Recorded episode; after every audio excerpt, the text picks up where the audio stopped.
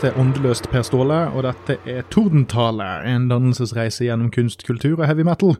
Denne uken her så blir det dannelse, og nå begynner vi virkelig å bevege oss inn mot eh, dannelsens dannelse, der, eh, der, vi skiller menn fra barn, og kveg fra kvige, og søye fra eh, munn- og klovsjuke, og ja, der, der vi virkelig begynner å skille klinten fra hveten. Vi skal virkelig ta for oss en god, gammel røver i dag. Tematisk sett så passer det jo òg veldig bra. Um, I forrige uke så var jeg jo bakfull og så på bakfull film. Men denne uken her så eh, kjenner jeg høstens variant av hva enn eh, forkjølelse har mutert til i denne post-korona-verden vi lever i. Jeg kjenner at den begynner å brygge seg opp, og det passer jo jævlig bra eh, når vi da skal snakke om eh, en film som foregår under svartedauden. Så jeg kjenner at jeg er i den mentale headspacen som trengs for å virkelig levere i dag. Dagens film er jo Det syvende seil av Ingmar Bergman, eller Det, det sjuende innseglet, eller hvordan de sier det på, der borte i, eh, på tøysesiden av grensen. Ingmar Bergman er jo på en måte Skandinavia sin sånn grand old daddy når det kommer til eh, sånn autørvirksomhet. Han er jo kanskje den eneste regissøren herifra som er holdt eh, som en internasjonal størrelse. Eh, han har jo påvirket den internasjonale filmverden eh, på uendelig mange måter og var anerkjent som en stor regissør i sin tid. Og han er en del av liksom den vestlige kulturkanonen nå i ettertid. Så når jeg da har begynt med disse her Når jeg har begynt å liste opp hullene jeg har i dannelsen min, så er det det å ha et grep om Bergman og hva han dreiv med, uh, en, en, en vesentlig faktor. Av ting han har gjort tidligere, så har jeg sett Fanny og Alexander for mange herrens år siden.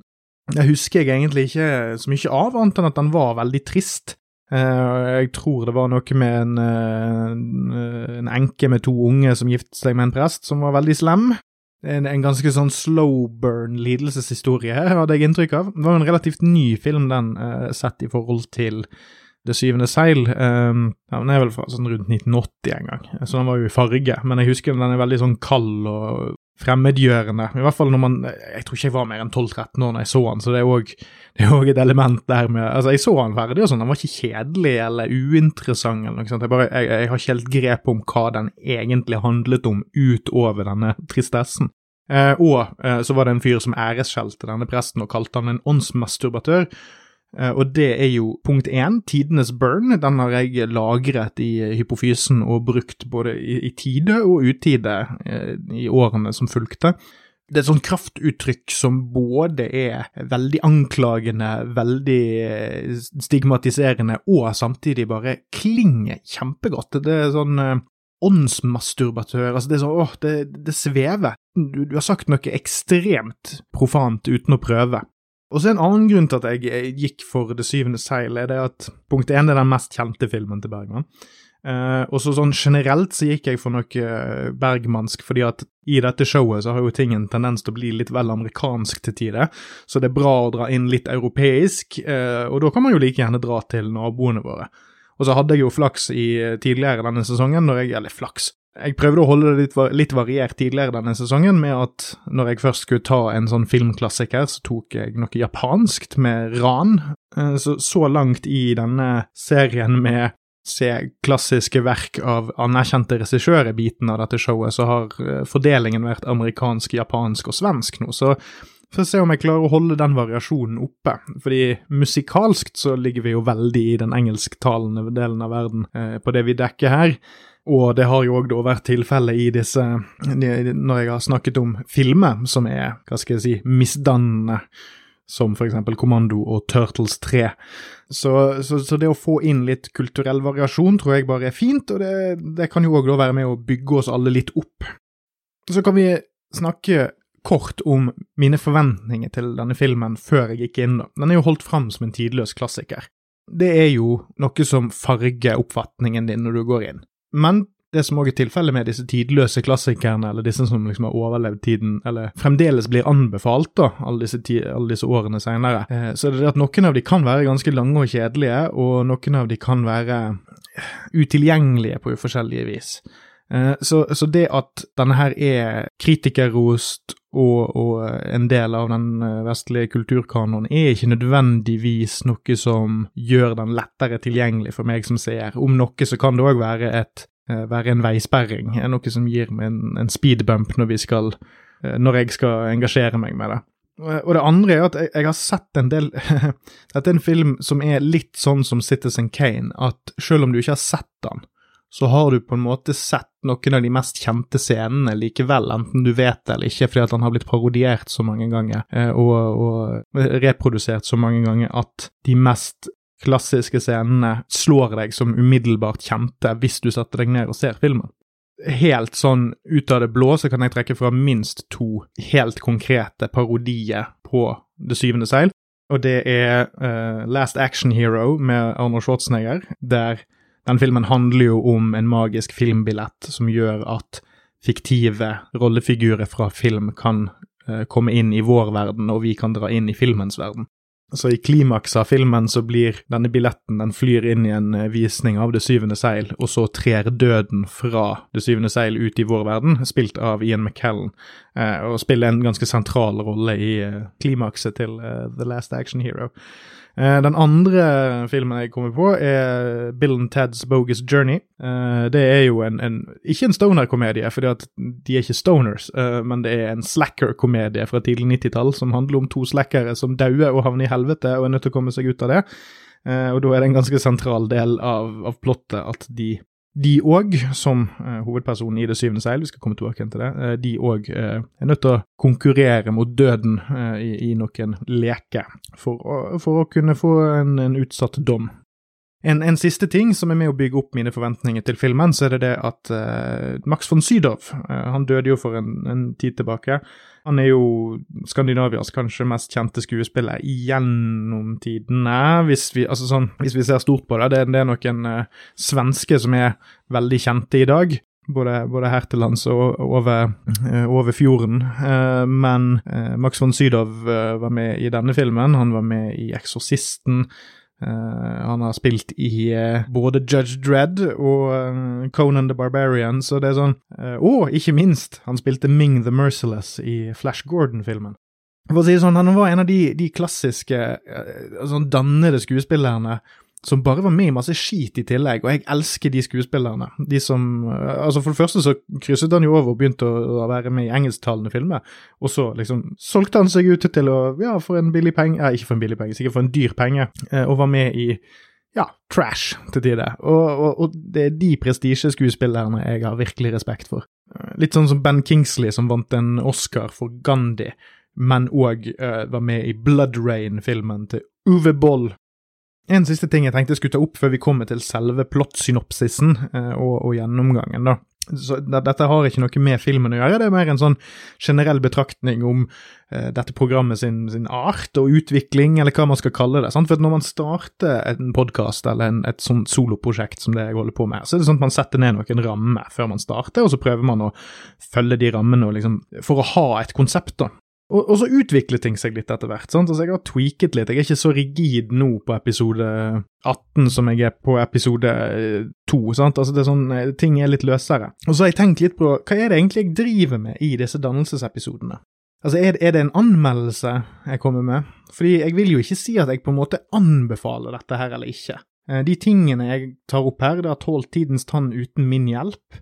Så jeg vil ikke være så pretensiøs at jeg tror at jeg kan finne noe nytt her, eller whatever. Og så har jeg òg tidligere sagt at en av rammene mine er faktisk det at uh, jeg skal ikke gjøre så mye research. Dette skal på en måte være Nå skal jeg ta verket for det det er, og, og gjøre meg opp noen notater, og ikke, ikke, overtenke ting så jævlig, eller liksom rase gjennom Wikipedia og liste opp ting. Det er mer en idé om at jeg skal bare kunne presentere mine riktige eller uriktige takes på det, og så det min, gjennom det enten i hvert fall informere lytteren bitte litt om hva dette er for noe, eller kanskje liksom tenne en gnist som kan være inspirasjon til å gå og sjekke det ut sjøl eller sjekke ut noe annet som jeg er innom i, i, disse her ramblingene jeg ramler ut på midt inni. Men, men det, det, jeg liksom vil si, er at det, er sånn, det handler først og fremst om et ønske om å eksponere meg sjøl for ting jeg ellers ikke ville ha sett, hørt eller lest av ymse grunner. Eh, og så fremstille hvordan det slår meg, eh, eller hvordan jeg oppfatter det, og så får det være opp til dere om dere syns det er artig å høre på det eller ikke. Og sånne verk som dette her har uansett et så stort nedslagsfelt at om ikke annet så kan man få litt kontekst for litt popkulturreferanse. Så jeg, eh, jeg, skal prøve så godt jeg kan å ikke komme med en sånn fem av ti, kjempebra, eller ti av ti, kjempedårlig. Eller omvendt, eller hvordan enn eh, det skal stilles på. Eh, fordi det blir eh, igjen litt sånn pretensiøst å skulle gradere det på den måten, men òg jeg håper at heller konteksten for det, eller innholdet i det jeg presenterer, heller presenterer det på en god måte, heller enn at jeg skal gi det en sånn her tommel opp eller ned. Så det, det skal jeg prøve å unngå. Jeg tror dere uansett kommer til å merke hva jeg syns om filmen, for å være helt ærlig. Ja, men vi, vi, trenger en kort oppsummering av plottet for å ha noen knagger å henge det på. Så jeg skal prøve å destillere dette ned til absolutte, sitt absolutte minimum av info som trengs. Eh, men jeg skal ikke gå igjennom filmen kronologisk etter dette. Jeg skal snakke om det litt mer i sånne store bolker. Så, så, her kommer det første som kan Altså, det eneste punktet der kronologi egentlig betyr noe. Og så kommer vi til å hoppe litt fram og tilbake. For jeg tenker dette er en film som har Den handler mer om store konsepter satt til veldig konkrete tilfeller. Så det er, det er ikke sånn at det er så mange store plot-twister eller en sånn konvensjonell det er ikke sånn at du som lytter trenger å, være helt med på hva som skjedde i hvilken rekkefølge. Det er, det er litt større. Vi, vi, maler med litt bredere pensel enn som så. Så vi tar en kort oppsummering av plottet. Vi starter med at en ridder ligger for døden på en strand i Sverige etter å ha forsøkt å komme seg hjem fra korstogene. Han har da vært der i ti år. Ved siden av ham på stranden så ligger væpneren hans. Jeg kommer forresten til å omtale folk med yrkestitler og sånt, fordi de har navn og alt mulig, men jeg tenker det er mer ryddig for både dere lytteren og for meg å bare ja, bruke yrkestitlene litt her, da. Døden kommer for å hente han, kommer for å hente ridderen, men ridderen overtaler han til å spille sjakk om skjebnen hans. Eh, og hvis ridderen vinner, så går han fri, og hvis døden vinner, så dør han. Men underveis i sjakkspillet så kan ridderen og våpendrageren hans leve videre, og ridderen har et mål med dette, som er å, å finne en, et meningsfullt øyeblikk, om jeg ikke husker helt feil, eller noe tilsvarende. Så, så, det som skjer, er at eh, sjakkspillet foregår på en måte litt sånn metafysisk abstrakt i bakgrunnen mellom døden og ridderen, men ridderen og våpendrageren hans har òg et, et hendelsesforløp som, som går parallelt der. Så, så, selve sjakkspillet refereres til når du får se et sjakkbrett og sånt, men det, det foregår litt sånn bak kulissene her. Eh, på ferden så går de gjennom et pestbefengt Sverige med heksebrenning, synd, eh, selvflagellering eh, og død, generell dødskultstemning. Det er for eksempel Det kom en parade med flagellanter, altså folk som driver og pisker seg sjøl på ryggen for å påføre seg sjøl Jesus sår, for å påføre seg sjøl verdslig lidelse, for å på en måte gjøre bot for hva en synd man har begått som, som gjør at pesten har kommet til landet. da. På veien så får ridderen og våpendrageren flere følgesvenner. Eh, det er en teatertrupp med et lite barn, eh, en smed og hans kone, og da eh, teatertruppens måte manager er òg involvert her. I teatertruppen så er det en, er det en person som har visjoner. Han ser jomfru Maria og Jesusbarnet ute i en eng, og så vekker han konen sin for å fortelle om hva han har sett. Og da får vi en introduksjon om at han er en fyr som sier at han ser ting hele tiden. Eh, men i seinere i filmen så viser det seg da at han kan faktisk se at ridderen sitter og spiller sjakk med døden, f.eks. Så da bringer det inn et element av å ja, kanskje han likevel har visjoner. Spoiler alert for en 64 eh, år gammel film. De beveger seg gjennom skog og kratt, de treffer på litt ulike karakterer. Uh, det er flere seanser med heksebrenning. Uh, og til slutt så kommer de da til ridderens hjem, og døden innhenter nesten alle. Teatertruppen går fri. Så det er, en, altså det er to skuespillere som har et lite barn som heter Michael, eller noe sånt. De slipper unna, men til slutt så ryker våpendrageren. Ridderen, uh, en stum kvinne som våpendrageren har reddet fra voldtekt, uh, og ridderens kone, og smeden og smedens kone. Vi kommer litt tilbake til dødsøyeblikket og litt sånne ting, uh, fordi det er en litt sentral del av både det visuelle, men òg liksom det, det, atmosfæriske i denne filmen. Jeg burde jo egentlig si det at nå er vi jo en uke for seint til halloween, da, men dette her er en film som har en nerve som kan slå ganske mange skrekkfilmer. Er en film som, som trykker på, på noen, noen koblinger hos folk, tror jeg. Jeg tror jeg kan generalisere litt her, eh, som, som, få skrekkfilmer kan. Eh, den er ikke, som sagt, det er ikke, det, det er ikke, en slasher, det er ikke masse gore, det er ikke blod og gørr. Men det er noe eksistensielt her som er ulmende skummelt. Ja, men det var i hvert fall en grov uh, plottsynopsis, uh, og da tenker jeg at en av de første tingene jeg har lyst til å ta opp, er teatralskhet. Fordi kostymene i denne filmen ser grunnleggende sett ut som noe som kunne blitt brukt i en skoleoppsetning av Robin Hood, og, og dermed gir filmen et ganske teatralsk preg. Men den har en realisme ved seg som jeg syns er veldig sjeldent for denne tidsepoken av film generelt. Filmen kom som nevnt ut i 1957, men den holder en tone og en genuinitet som er ekstremt sjelden sjøl i dag. Altså, på mange måter så er det sånn altså, Jeg har jo sagt tidligere i dette showet at uh, jeg har et litt sånn her uh, Et sånn ullent forhold til Shakespeare. Uh, jeg tar nok en referanse, men jeg har, jeg har, bare en viss sånn idé om at noe kan være litt shakespearsk. Ikke at jeg faktisk kan backe det opp med fakta. men jeg vil si at Det syvende seil har en litt sånn shakespearsk tone i den forstand at den tar for seg et viktig eh, konsept som da er liv og død, eh, men bruke en del abstrakte grep, som for eksempel at døden er personifisert, opp mot egentlig en, en, en verdslighet. Altså, folk dør i denne filmen. Altså, man, man går gjennom et pestbefengt landskap. Alle som disse personene møter, er påvirket av at døden lurer bak hver busk. Og det teatralske, det, det gjør at den balanserer abstrakte, vidløftige teologiske utgreininger og verdslighet ekstremt bra. For eksempel så er det en scene der væpneren drikker seg full sammen med en maler. Han maleren maler en, en, en freske eller en sånn, sånn, veggmaleri i en kirke de besøker. Og det er en sånn typisk middelaldersk fremstilling av hvordan døden omgås menneskene. Eh, så det, det er på en måte en pest, eh, et pestmaleri. Fordi kirken skal på en måte gi trøst, men det gjør egentlig ikke den katolske kirke på denne tiden. Den katolske kirke sier at du er nødt til å ha sysakene dine i orden, eller så bærer det lukt til helvete. Så stemningen her er jo ikke bare påvirket av at folk er veldig bevisste på at de kan dø når som helst, men det er òg en religiøs, klam hånd som, som er både mellom linjene i teksten, men òg er veldig klart fremstilt i selve filmen, med heksebrenningene, for eksempel. Så religionen er med på å gjøre en allerede forferdelig situasjon verre for mange. Uh, her kan det jo hende at jeg henter inn noe av min ikke-religiøsitet uh, og, og putter det inn i tolkningen min, uh, men det er ganske tydelig at, uavhengig av det, så er det ganske tydelig at det er mange som er redde for det som kommer etter døden og, og, i den grad de setter sin lit til frelsen og Jesus, så er det òg et element av frykt der òg det er gudfryktighet.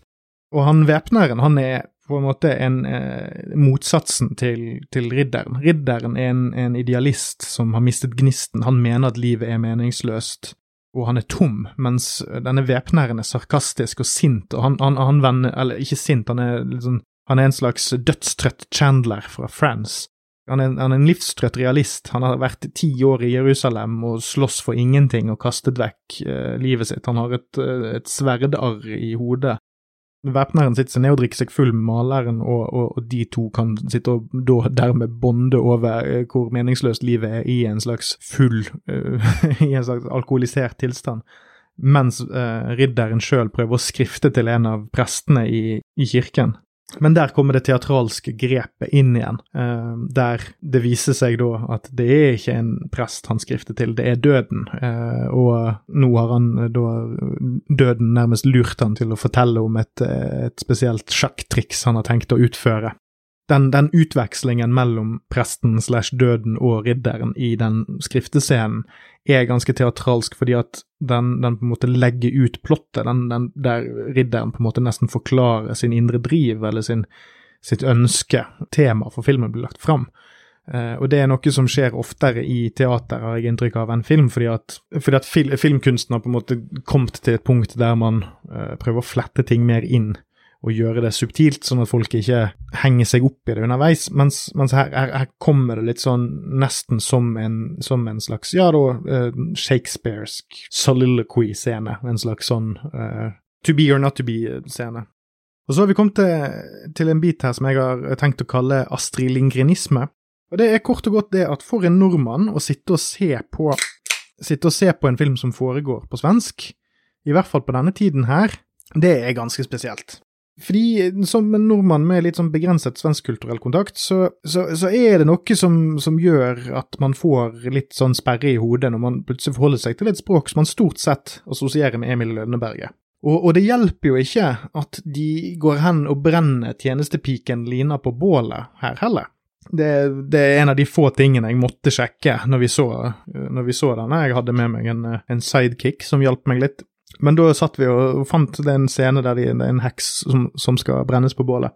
Og så satt vi der, hvem faen er hun der? Og så viser det seg da at det er skuespilleren fra, fra Emil, i sin første filmrolle, om jeg ikke husker helt feil. Eh, men igjen, det viser jo hvordan hjernene våre trekkes veldig mot uh, Astrid Lindgren, at hun liksom skal være en slags sånn herre kulturell fanebærer for Sverige. Uh, og, og, man merker det òg det at når man er vant til å på en måte humre og le over måten folk i ulike Astrid Lindgren-oppsetninger snakker, så blir det òg veldig morsomt å høre noen snakke nesten helt likt. Og, og da snakke om, om, forferdelige ting som, som uh, barnedød og uh, heksebrenning og voldtekt og, og gud vet hva. Og dette er jo ikke et problem med filmen, dette er jo et problem med min hjerne. Så da er jo spørsmålet, er det jeg har oppfattet der, er det et tegn på god skrivekunst fra henholdsvis både da Bergman og eventuelt hans manusforfattere og uh, Astrid Lindgren, eller er det et problem i min egen hjerne uh, og måten jeg tolker ting på? Tror, men jeg tror uavhengig av det at uh, det kan jo være noe folk burde kanskje være litt bevisste på når de skal prøve seg på andre språk, da, eh, når man skal teste ut filmer. Eh, jeg har merket et problem med dette på fransk, eksempel. Eh, at franske filmer er litt vanskelig for meg å se av at det er noe med fordommene mine mot det språket som gjør at jeg henger meg mer opp i at de høres så parodiske ut, heller enn at jeg følger med på selve skuespillet. Og dette er jo da en enda mer barnslig versjon av det igjen. Men det kan kanskje være en ting som er lurt å tenke på før man trykker på play, når man har bestemt seg for å sjekke ut andre filmspråk enn engelsk og norsk, eksempel. Jeg vet jo at det er folk som er flinkere til å se svensk film enn det jeg er.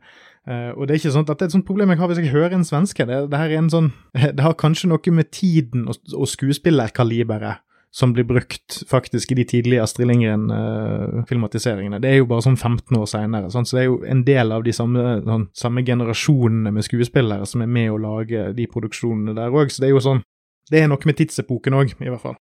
Men jeg tenker Nå kommer vi til hovedbolken min, og, og det, som, det, som, på en måte er det vesentligste med, med, filmen. Og det som gjør at jeg mener at den er Den fortjener plassen sin. Der gjorde jeg det. Der, der, kom jeg med denne jævla anbefalingen, vet du. Ja ja, drit i det. Glem at du hørte det.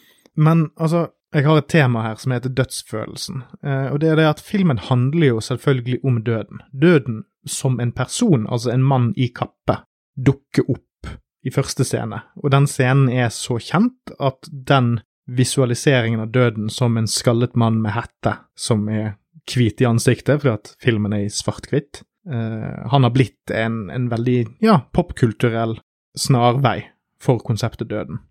Og døden nesten, har en nesten litt lun Han virker som en kjentmann for figurene som treffer han, og det er jo interessant, istedenfor et skjelett, som er den vanlige måten å fremstille døden på, sånn mann med ljåen og alt det der. Det er bare en fyr som det er noe litt off med, eh, men alle som treffer han, kjenner han igjen, på en måte. Men uansett, Filmen handler selvfølgelig om døden, men det unike med filmen er at den virkelig omslynges av en slags dødelighet. Altså, alt som skjer er påvirket av konteksten svartedauden. Det er ikke en intens angst, men en sånn ulmende bakgrunnsstråling. Døden som uh, rollefigur dukker opp i ny og ne for å snakke med ridderen og sånn, men han er likevel i hver eneste scene. Alle hendelsene som skjer i løpet av filmen, skjer på grunn av at døden er her. Og det er en, det er en sånn fascinerende morbiditet og til tider så kjennes det ut som om at man ser en sånn rein versjon av middelaldermaleriet. døden var tettere på disse menneskene her, de som bodde i, i middelalderen. De fryktet han, men de var òg mer kjent med han enn det vi er i dag. Eh, og det å bli minnet om det tilfellet er, er svært ubehagelig for en moderne seer. Den, den, den, følelsen jeg fikk av å se denne her, det minner meg om noe jeg, jeg, jeg kjente for et par år siden. Jeg, jeg ble bevisst på en, en, et stykke av Schubert som heter Erlkönig, eh, som er basert på et dikt ved samme navn av Goethe. Nå, nå, er det en ren tilfeldighet at jeg vet om de to tingene der, sånn jf. dannelse. Men Alvekongen er et dikt som handler om en far som rir gjennom skogen med et barn, og så sier barnet at han ser alvekongen.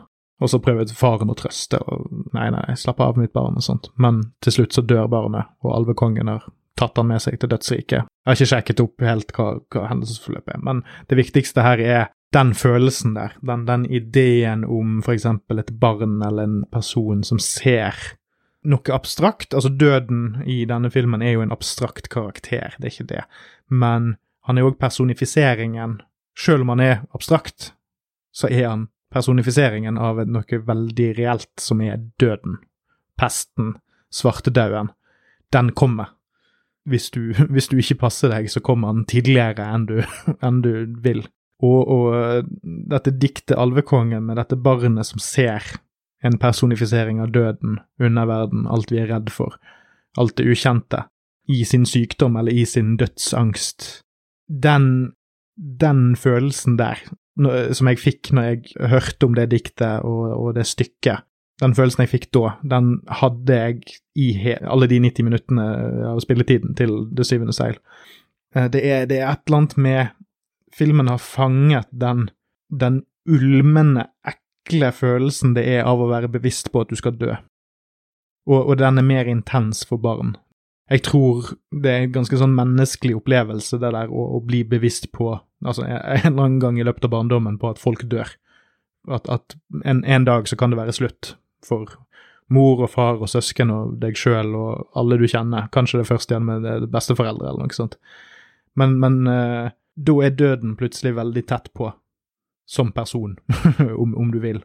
Og jeg syns det er den det liksom, om, om, ikke det er et, et barnlig perspektiv på døden, så er det i hvert fall et Jeg syns filmen undersøker det.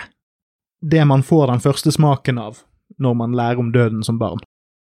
Og dette minner meg òg mye om Theodor Kittelsen sine pestbilder, med pesta som en, som en uh, menneskelig altså en menneskeliggjøring av, av svartedauden.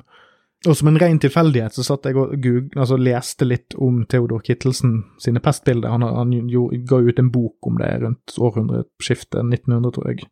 Jeg gjorde det, jeg googlet det rent sånn tilfeldig før jeg så filmen, og da oppdaget jeg òg det, det som står på Wikipedia i hvert fall, er jo at, altså at flere av disse pestbildene til Kittelsen er tegnet fra et barneperspektiv. Uh, for eksempel Musstad, som er et, en tegning av et lik som ligger i en sånn treseng, men du ser bare toppen av hodeskallen som stikker over, og så ser du muser som går opp i sengen for å spise det. Så det kan hende at det påvirket meg litt når jeg så denne filmen. Uh, men denne tanken om, om, døden fra et barneperspektiv knytter seg faktisk ganske godt inn til Det syvende seil.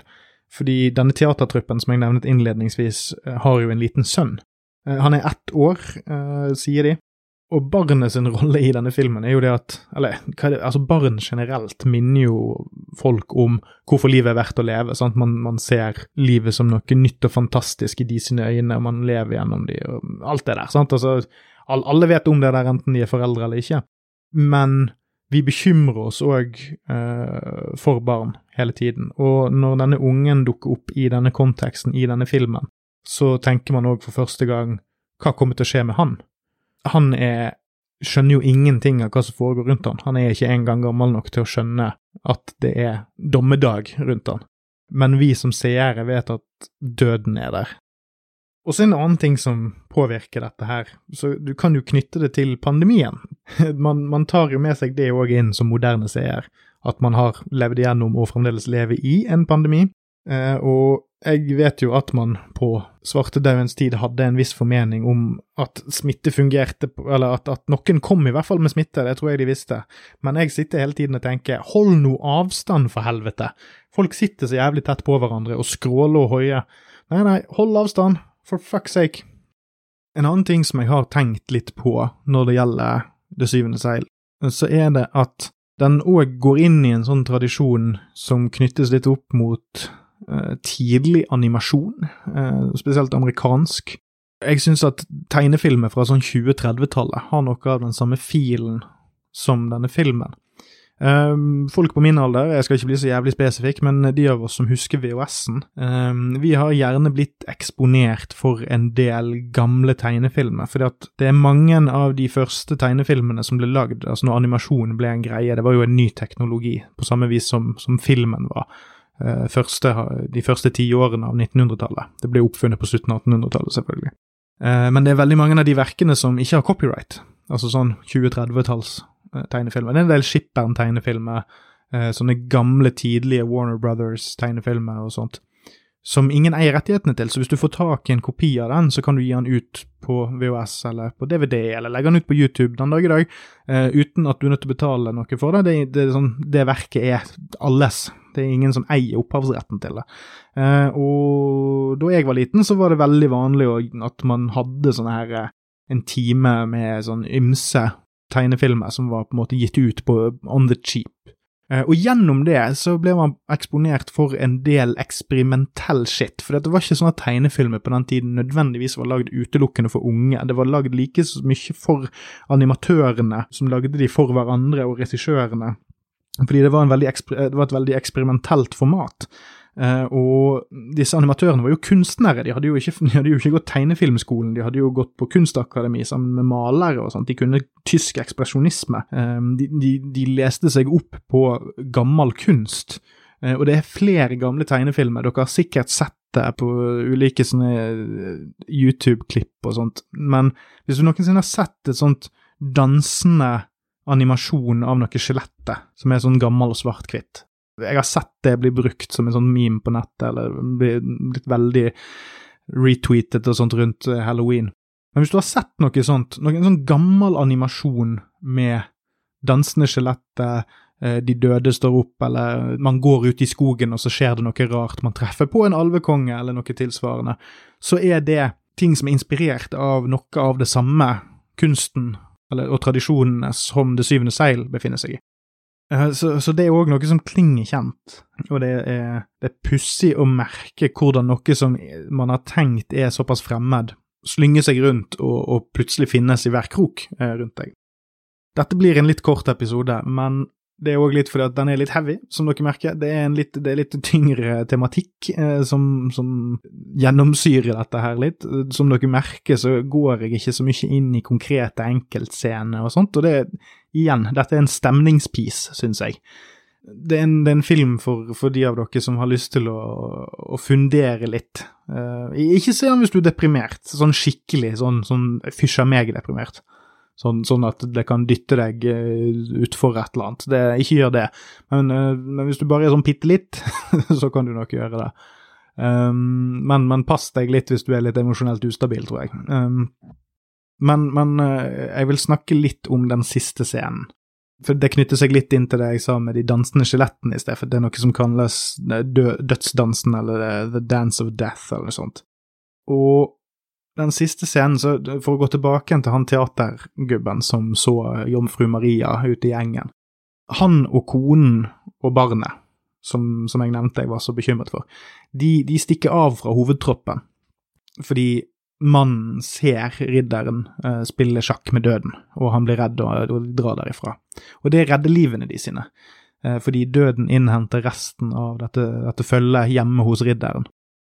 Og der ser vi en gruppe med mennesker møte døden med forskjellige innstillinger, fordi at alle karakterene, eller alle rollefigurene i scenen, representerer ulike innstillinger til døden. Eh, du, altså, de, de, har sin egen attitude, sin egen de, de har sine egne personligheter. Og de møter døden med frykt, dumskap, oppgitthet og, og imøtekommende, eller nærmest gledelig, et gledelig gjensyn. Og det siste scenen er at teaterfamilien står i solen og ser en, kom, ser en, en mørk sky og en, og på en ås, og der går det et dansefølge der døden leder vennene deres mot dødsriket. Og han, han, beskriver det nesten litt sånn hjertelig til konen sin, som ikke kan se dette her. Og så ligger det en slags en slags livsgnist der, som, er, som, er, vanskelig å beskrive. Og den scenen med de figurene på den åstoppen som på en måte danser mot dødsriket, det er eksistensielt ubehagelig på en måte som er veldig vanskelig for meg å beskrive. Jeg vil si at filmen er Jeg vil si at den scenen kan du se tatt ut av kontekst, og den vil være ekkel, men gitt hele reisen du er med på, så er den veldig mye mer forstyrrende. Men igjen, det er ikke forstyrrende på en sånn måte at du ikke klarer å leve med det, men det er det at man merker at, at det er noen sånne trinse i hjernen som begynner å gå, fordi at vi er veldig flinke i vårt samfunn til å ikke tenke på døden.